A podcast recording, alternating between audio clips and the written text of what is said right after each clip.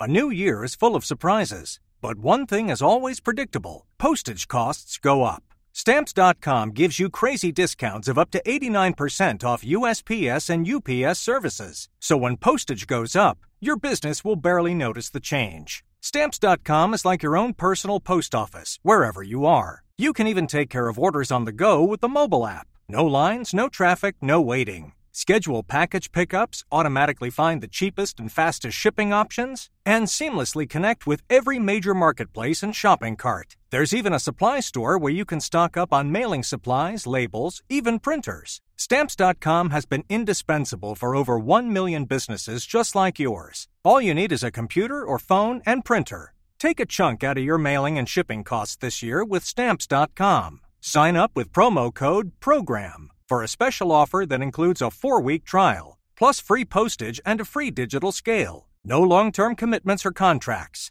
That's stamps.com code PROGRAM. På midten av 90-tallet ble en guttegjeng fra Ranheim berykta i hele Trondheim. Seks gutter fra Ranheim har vært etterforska for en serie utspekulerte togrøverier. Så satt vi nå der og venta på toget i skråninga. Så vi visste sånn cirka hvor tid toget kom. Det sklei sakte, men sikkert forbi, og det var jo et bra kick. Så åpna vi vognen, sånne svære sånn semitrailervogner. Mens toget venta på grønt lys, ble lastekonteinere letta for øl og bruskasser i en operasjon som ble utført med nærmest militær presisjon. Noen hoppa inn, så andre så tok imot. Så ble det sånn at vi ville gjøre det hver dag. Så holdt vi på med det hver dag i to år nesten. Og da hadde jo politiet begynt å få snus nedi der, vet du, og da hadde de jo vært nede på Ranheim og spana. Saken fikk en uventa vending da de skyldige togrøverne viser seg å være barn i alderen 11 til 15. Og plutselig så var det politi overalt. vet